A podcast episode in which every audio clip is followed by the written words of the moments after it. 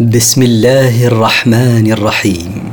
مركز تفسير للدراسات القرآنية يقدم المختصر في تفسير القرآن الكريم صوتيا. برعاية أوقاف نور الملاحي. سورة التين من مقاصد السورة. امتنان الله على الإنسان باستقامة فطرته وخلقته وكمال الرسالة الخاتمة. التفسير. والتين والزيتون. أقسم الله بالتين ومكان نباته وبالزيتون ومكان نباته في أرض فلسطين التي بعث فيها عيسى عليه السلام. وطور سينين.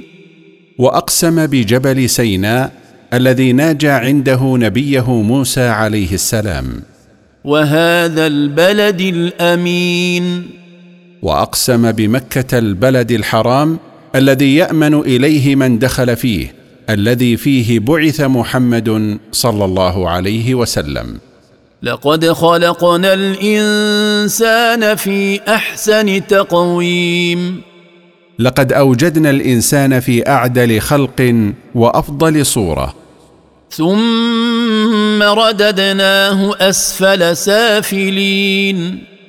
ثم أرجعناه إلى الهرم والخرف في الدنيا فلا ينتفع بجسده كما لا ينتفع به إذا أفسد فطرته وصار إلى النار. إلا الذين آمنوا وعملوا الصالحات فلهم أجر غير ممنون. إلا الذين آمنوا بالله وعملوا الأعمال الصالحات فإنهم وإن هرموا فلهم ثواب دائم غير مقطوع وهو الجنة لأنهم زكوا فطرتهم.